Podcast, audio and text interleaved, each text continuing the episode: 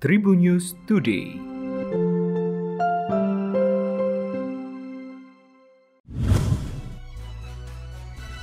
Halo Tribuners, informasi terkini akan kami sajikan dalam Tribun News Today bersama saya Delta Gonzales. Kita awali dari kabar nasional. Tim advokat bela ulama sekaligus kuasa hukum Bahar bin Smith, Aziz Yanuar mengungkapkan pihaknya akan mengikuti segala proses hukum terkait pelaporan yang dilayangkan kepada kliennya. Aziz menyebut pihaknya juga telah menerima dan mengetahui adanya laporan tersebut. Kendati demikian, Aziz belum membeberkan lebih detail terkait langkah yang akan dilakukan pihaknya bersama Bahar bin Smith dalam waktu dekat terkait dengan adanya laporan itu. Sebelumnya, Aziz Yanuar juga meminta kepada setiap pihak untuk sedianya mengedepankan dialog dalam menyelesaikan perkara apa pun. Hal itu dia ungkapkan merujuk pada adanya laporan polisi terhadap Bahar bin Smith ke Polda Metro Jaya pada 17 Desember 2021 kemarin. Dalam pernyataannya, Aziz merasa heran dengan pelaporan dugaan pelanggaran suku, agama, ras, dan antar golongan atau SARA yang dilayangkan kepada Bahar bin Smith. Sebab kata Aziz, masyarakat dapat dengan mudah bereaksi jika isu tersebut yang dijadikan perkara. Lantas dirinya mengingatkan kepada siapa pun untuk dapat menahan diri dengan tidak mengedepankan aspek emosional. Untuk kabar regional, Tribuners, jurnalis Kompas TV Fendi Rakmeni menjadi korban pengeroyokan yang dilakukan oleh empat oknum anggota TNI AD di lapangan Makodam 17 Cendrawasih Minggu 19 Desember 2021 sore. Fendi yang dikonfirmasi mengatakan penganiayaan itu berawal dari pertandingan sepak bola. Saat itu dia bermaksud hendak memisahkan rekannya yang dipukuli oknum.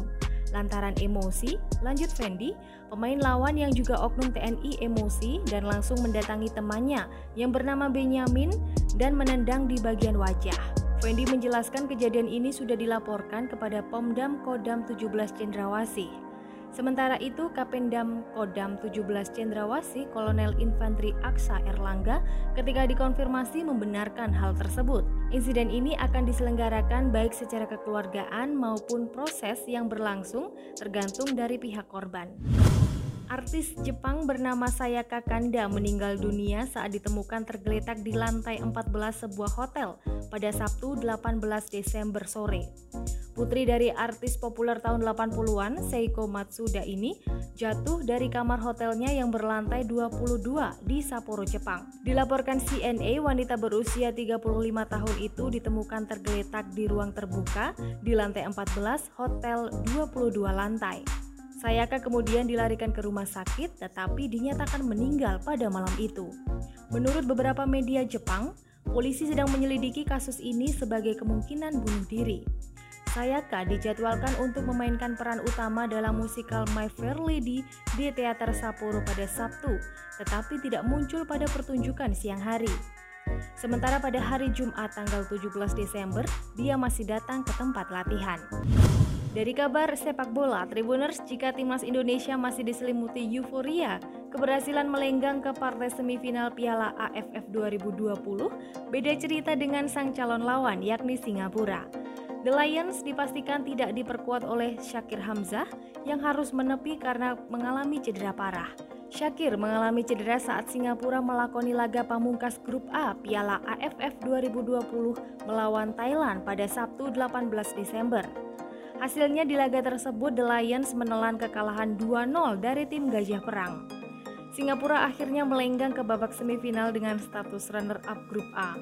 Pada fase empat besar nanti, Singapura berhadapan melawan timnas Indonesia yang berstatus juara grup A.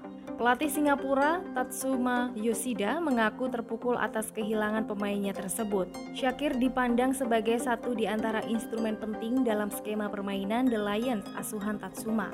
Bukan tanpa dasar, Syakir merupakan pemain yang selalu diturunkan pada Piala AFF edisi 2020. Posisinya di sektor kiri lini belakang Singapura tidak tergantikan.